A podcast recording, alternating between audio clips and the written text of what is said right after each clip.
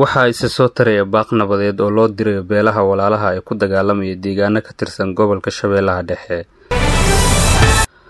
Wasiirka Wasaaradda Dhallinyarada iyo Ciyaaraha Xukuumadda Federaalk Soomaaliya Xildhibaan Maxamed Barre ayaa sheegay in dadka deegaanka ka dhigtay garoomada qaranka ay ka guuraan sida dhaqsiyaha badan si loogu sameeyo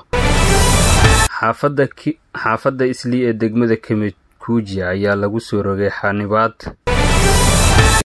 Waxaa isa soo taraya baaq nabadeed oo loo dirayo beelaha walaalaha ee ku dagaalamaya deegaano ka tirsan gobolka Shabeellaha Dhexe. dhiiggiinnu waa na dhibayaa waxaan codsanaynaa dhiiggaas in la joojiyo magaceenna lagu joojiyo nala ku karaameeyo walaalnimada aan u taagannahay la maqlo sama jeclaha aan u taagannahay la maqlo walaalahiyo mudullood inta dagaalka hadda bannaanka ka joogtana waxaan rabnaa inay nagu soo biiraan. Waxaannu ka damqannay haddii ay maanta jiri lahayd ambiyo joogta adduunka. Sidii reer banu israa'iilkii ambiyada inay laayeen ay gaarka ku ahayd oo kale. Sagaashan iyo saddex mucallim jira oo ardadii qur'aanka yeedhinhaya oo kalaamkii ilaahay u fadhiya meesha lagu dilay colaadda halkaa gaadhay yaannu ka fadhiyi weynay carruurta aan qaangaadhin ee qur'aanka uu u dhigayey ee uu rabay inuu xafidsiiyo qur'aanka ku dhinteen baannu fadhin weynay walaalnimadaannu la fadhin weynay islaamnimadaan la fadhin weynay diinta dabar go'aysaannu la fadhin weynay. Waxaannu marka garannay in aannu arrintaa uga hadalno si looga hadlo sida ugu adag in aan uga hadalno. Sida looga hadlina waxaa weeye ilaahay baannu idinku dhaarinaynaa kitaabkiisa qur'aanka aan idinku dhaarinaynaa raximtaannu idinku dhaarinaynaa inta wax lagu dhaariyo oo dhan baan idinku dhaarinaynaa ee dagaalkaas ha la joojiyo. Saas daraaddeed waxaan leennahay walaalayaalow waa idin jecellahay walaalaheenaad tihiin. Runtii aad baan uga danqanaynaa dhiigga daadanaya aad baan uga danqanaynaa carruuraha la laynaya aad baan uga danqanaynaa guryaha la gubayo. Wax dhaqan muslin raad kulana maaha sidaa daraaddeed waxaan leennahay walaalayaalow joojiya arrintaas waa arrin runtii ilaahay agtiisana aan raalli looga ahayn. Dhexdeennan aanaan raalli uga noqon karin. Haddii ilaahay kuu ran yahay waa arrin aad iyo aad noo danqinaysa arrintaas waxaan leennahay walaalaheen arrintaas joojiya. Walaalaha gaar ahaan abgaal arrintaas joojiya. Ilaahay darti ku joojiya. Danqashada walaalahood iyo dhibka ka jira gobolka shabeellada dhexe gaar ahaan agagaarka cadale. Dhibkaasoo ah dhib aan soomaaliya hore uga dhicin. Dhibkaasoo ah dhib taariikh xun keenay. Dhibkaasoo ah in si maanta ay noqoto in dadkii xaafidul qur'aanka ahaa iyo dugsidii qur'aanka iyo birimageydadii la beegsado. Dhibkaasoo ah in aqallada la iska gubo. Dhibkaasoo ah dad iyo duunyaba inaan la isu reebin. Arrintaasaad soo kicisay arrintaasaadna soo wada kicisay. Waxaan marka halkaan uga diraynaa baaq. Walaalaheen beesha mudullood gaar ahaan abgaal. Waxaan leennahay ceebteennii maanta ma asturra ceeb alla asturaa la odhan jiray baa. Ninbaa marka waxaa laga sheegay haddaad maqashaan ceeb alla asturaa lagu celcelinaya ceeb ma asturra maanta ceeb nooma asturra marka walaalayaalo waxaan idinka codsanaynaa. Kollay hadda way nagu dhacday ceebiye. Ceebtaas inaysan sii jirin ceebtaa inna laga duugo carra abgaal qur'aan baa loo dooran jiray. Hadda kadib qur'aan loo dooran maayo. Sababtoa dugsigii loo dooran jiray waad gubteen abgaalow dhibka taagani. Waxaa weeye maantay dugsi qur'aan in dagaal abgaal dhexdiisaa lagu gubo waa foolxumo aan soomaaliya taariikh ahaan ka dhicin. Macallin qur'aankii dugsiga dhigaya sagaashan jidhka ah iyo dugsigiisi la gubay waa taariikh xunoo nagu soo korortay waxaan marka idinka walaalayaalow idinkaga martinnahay waa idinka codsanaynaa. Waxaan idinku baryaynaa kitaabka qur'aanka. Waxaan idinku baryaynaa oo idinku dhaaranaynaa kitaabka qur'aanka. Walaalayaalow dagaalka joojiya. Walaalayaalow dagaalka dhexdeennaa joojiya. Walaalayaalow inta dagaalka wadamo inta kale dhammaantiin annaga idinkuba aan si wada jira u wada dhex galno si wada jira aanu annagoo niyada kii ducayn kara kii qaban kara kii ku dhaqaaqi kara aan dhammaantaan wada dhaqaaqno annagana barorta marka ugu horraysa hadda min afar faataxa barno in ilaahay dagaalkaa naga joojiyo faatax allaha naga aqbalo culimmadu baa joogtaa ducada waa laga leeyahaye allaha naga aqbalo dabka allah naga dabiyo dagaalka allaha joojiyo walaalayaal idinkuna nala qaata waana mahadsantiin dhammaantiin wasiirka wasaaradda dhallinyarada ee ciyaaraha xukuumadda federaalk soomaaliya xildhibaan maxamed barre ayaa sheegay in dadka deegaanka ka dhigtay garoommada qaranka ay ka guuraan sida dhaqsiyaha badan si loogu sameeyo dayactir.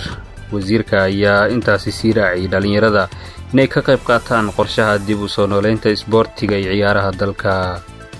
Waxaa lagu tilmaama boqolkiiba shan iyo todobaatan in ka badan populationka inay dhalinyaro yihiin. Haddii ummad soomaaliyeed lagu qiyaaso labaatan milyan waxaa qiyaastii labiiy toban milyan iyo wax la jira waxay yihiin dhalinyaro. Dhalinyaradaas marka laba milyan ka mid a min hal dolar hadday iska aruuriso waxaan aaminsanahay bishiiba inay garoon dhisan karaan. Keliyana ma dhisi doonto ama ma ka shaqayn doono garoomada hadda wasaaraddu gacanta ku haysay waaweyne sidoo kale waxaa noo qorsho ah garoomadii xaafadaha ku yaalay ee kooxaha dalka ay lahaayeen. Ayaguna waxaan wejiga labaad saari doonaa diiradda. Markaan wejigan koowaad garoomada waaweynaa ee nationaliska aan ka soo baxno kuwii xaafadahan ayagana ku soo laaban doonaa juhdi dadaal aan ku bixin doonaa. Dadka marka ama deegaanka ka dhigtay ama sida khaldan ganacsiye uga samaystay ayaguna waxaan rabnaa inaan coddheer ugu sheegno aan dhahno uga digno meeshaas ganacsi ma noqoto. Meel kastoo kooxda lahayd ama garoon ahaa waxaan rabnaa garoonkiisa inaan ku soo celino ummadda ka faa'iidaysato ama dantiis guud lagu soo celiyo. Marka waxaan rabnaa dadka ayagana meelahaas degayna inaan coddheer ku sii gaarsiino. Wasaaraddu waa soo socotaa intaan laydin soo gaarin ka sii qalab xaafadda islii ee degmada kamikuujiya ayaa lagu soo rogay xanibaad dhanka amniga iyadoo ciidamo xooggan lagu daadiyey islii waa xaafadda ay si weyn u degan yihiin dadka soomaalida halka oo ah mid ka mid ah suuqyada ugu weyn ee geeska afrika oo ay dadka soomaalida maalgashadeen.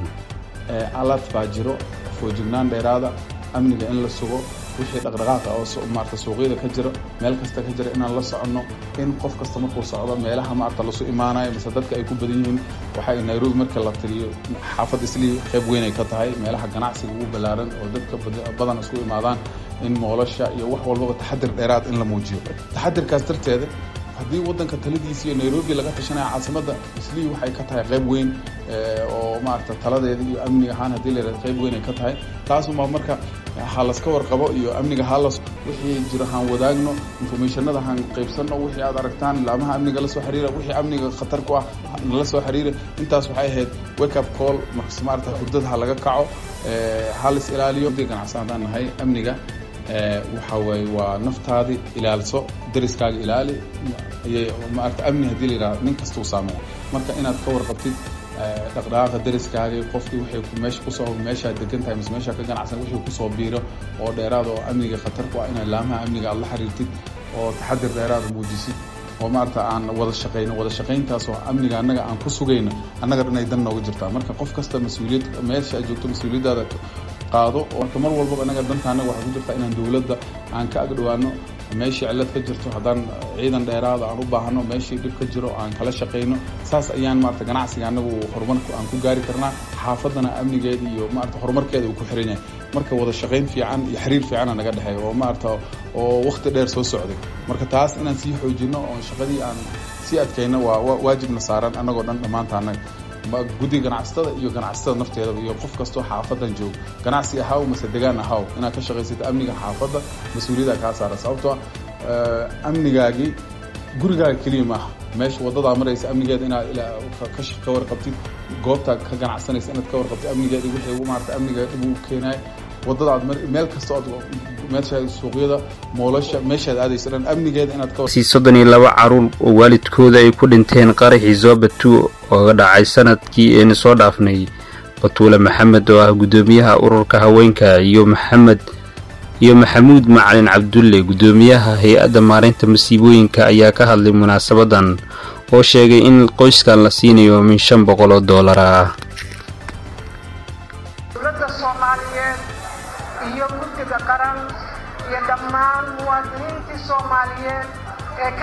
gashay gurmadka iyo tabarucaadka iyo cawilcelinta ummadda soomaaliyeed ee masiibadu ku habsatay ee qaraxi soobatuu oo runtii ummadda soomaaliyeed haddaysan ahayn aan maanta waxa aan qabanayno iyo waxa aan qaban doonno iyo wixii soo qabsoomayba aysan noo suuro gasheen waxaa socda tallaabooyin fara badan waxaan gaar ahaan ugu mahad celinayaa magaciinna guddoomiyaha guddiga dhaqaalo ururinta oo ah.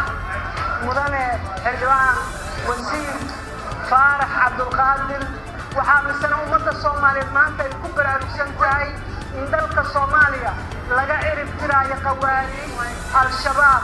Waxaa ilaahay mahaddiisa in aan sanad ka bacdi marxaladdii dooba tuub oo laga joogo muddo sanad ah aan mar kaleentood agoontii agoontaasoo runtii ay nimankii arxamlaawayaasha ahay ay dhibaatada u geeyeen inaan maanta aan halkaan ku siinayno qadar lacag ah oo agoonta agoonta qoys kastaba la siinayo min shan boqol oo dollar kaasoo ah dhaqaala ummadda soomaaliyeed ay iska soo aruurisay. Kuna aamintay hay'adda maaraynta masiibooyinka iyo guddiga gurmadka qaran ee baraha ministarka soomaaliya mudane xamse cabdi barre uu soo magacaabo waxaan ilaahay ka rajaynaynaa inaysan dhibaatadii nagu dhacday xilligaas oo kale aysan nagu dhicin.